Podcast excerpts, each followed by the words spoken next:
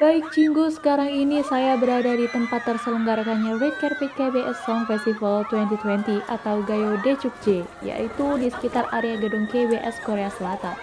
Pada pertengahan bulan Desember tahun 2020 saat itu terdapat momen para idol mulai berdatangan ke lokasi.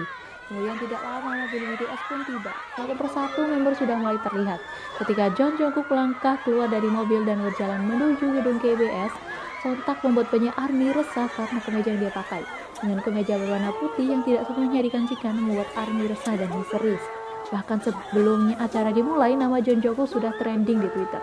Pesonanya berhasil menyabet gelar pria terseksi 2020 versi beberapa majalah luar negeri. Tidak hanya satu-satunya idol K-pop yang dinobatkan, tetapi juga satu-satunya selebriti Asia. Sementara itu, BTS tampil di KB Song Festival 2020 dengan membawa tiga lagu hitsnya, yaitu I Need You, Dynamite, dan Life Goes On.